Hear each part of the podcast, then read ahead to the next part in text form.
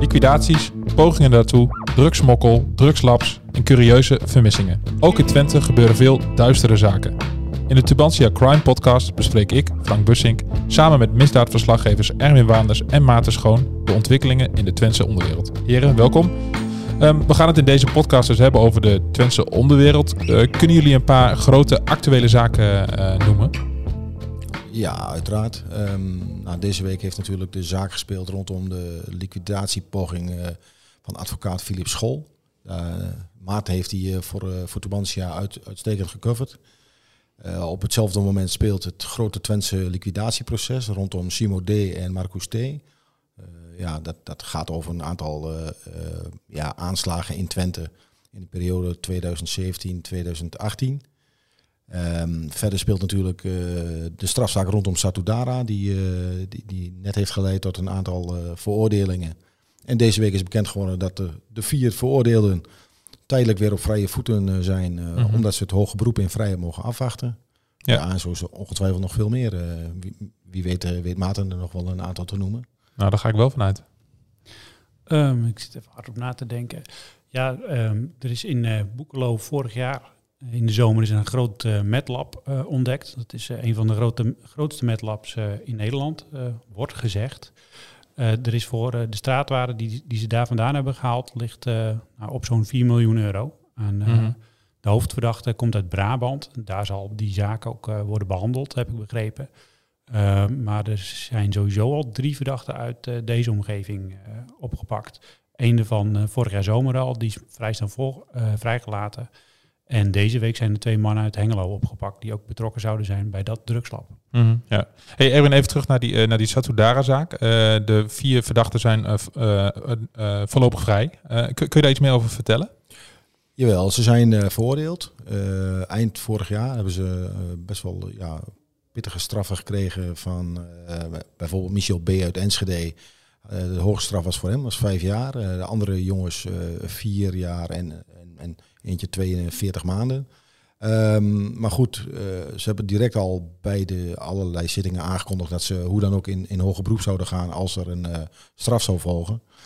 Nou, en die belofte hebben ze ingelost, uh, want ze zijn in hoger beroep gegaan. En het, het Hof zegt nu van ja, um, ze hebben zich tijdens hun eerdere behandeling van de zaken hebben ze zich altijd in ieder geval keurig gehouden aan de voorwaarden. Mm -hmm. dus zien ze nu op dit moment geen ehm, ja, ja, ze hebben geen angst dat ze zouden vluchten of dat ze zich niet aan de voorwaarden houden. Dus uh, vandaar dat ze weer uh, ja, op vrije voeten zijn.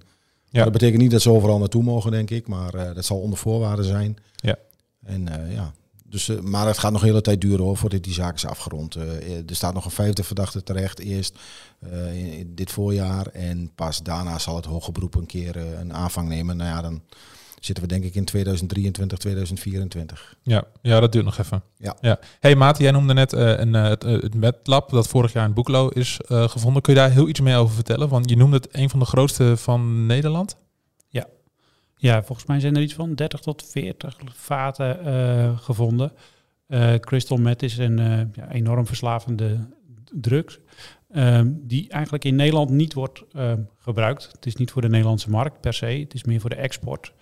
Uh, maar Nederland heeft gewoon goede voorzieningen, zou ik maar zeggen. Dus uh, de labs uh, kunnen hier goed op poten worden gezet en het kan niet snel worden geëxporteerd. Dus dat is eigenlijk een voordeel voor de onderwereld. Ja. En, en, en, het feit dat wij dat we een grensstreek zijn, heeft dat daar ook nog mee te maken? Dat je, je zit dicht bij Duitsland. Ik noem maar even wat hoor. Ik weet niet of, of het überhaupt meespeelt in zo'n. Ja, ja de, de, Nederland is.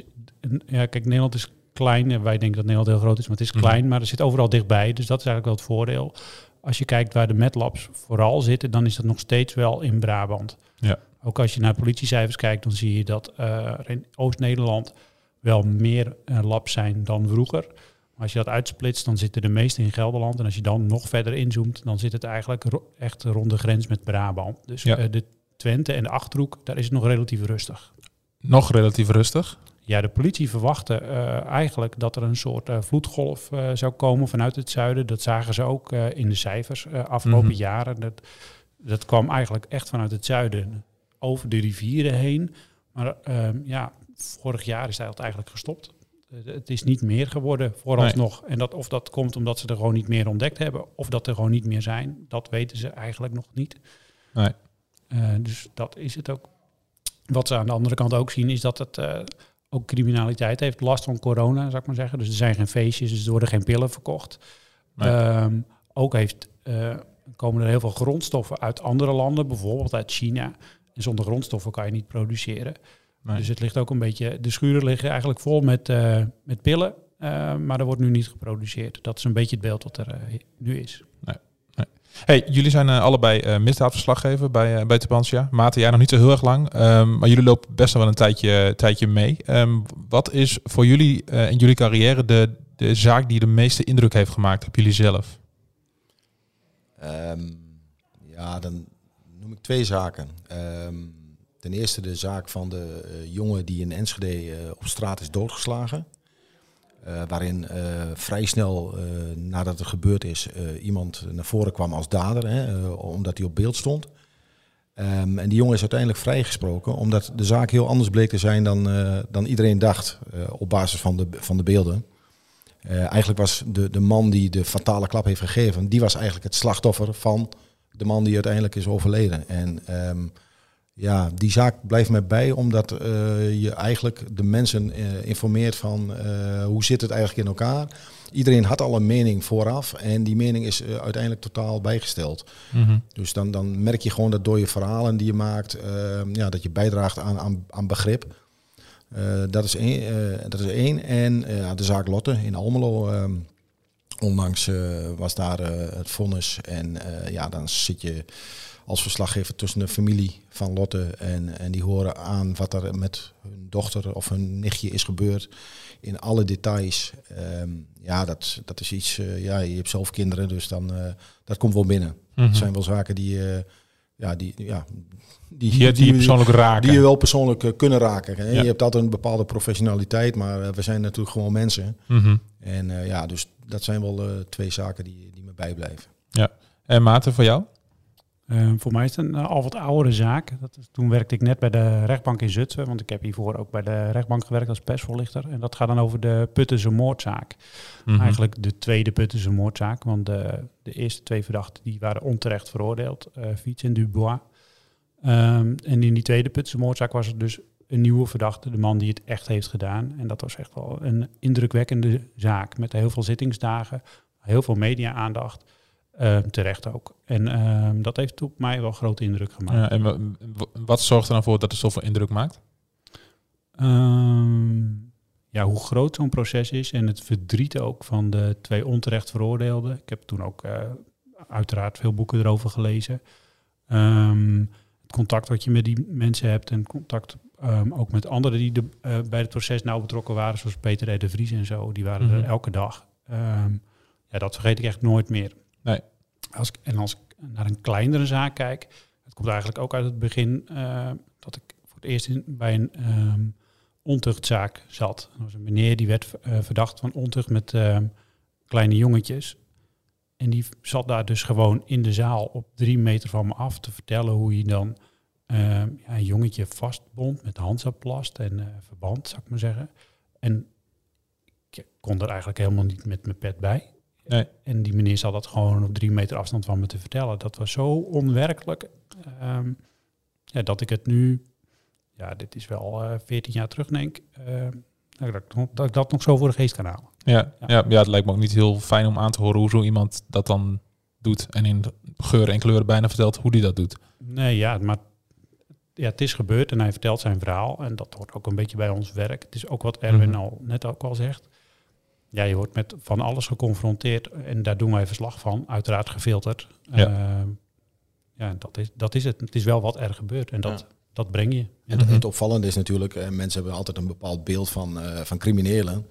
Eh, maar ja, iedereen kan eh, een keer voor de rechter komen. Eh, het zijn gewoon mensen. Uiteindelijk Ja. zijn het mensen. En, en ehm, tuurlijk is, is de, eh, op social media worden mensen eh, die, die iets met, met kinderen doen, eh, pedofielen of, eh, of, of, of verkrachters, noem maar op. die worden ehm, ja, als monsters neergezet. Maar wij zitten er inderdaad, eh, wat Maarten net zegt, eh, op anderhalve meter van. En dan zie je, daar, daar zit toch gewoon een mens. Ook met een vader en een moeder, misschien ook met een partner. ehm, Mhm. hè, dus dat moet je altijd eh, voor ogen houden, dat je het met mensen te maken hebt.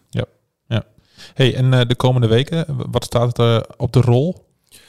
Nou, in ieder geval volgende week, v- 4 februari, gaat het Twents liquidatieproces weer verder. Ehm, dat zal nog een, een proforma zitting zijn in Almelo.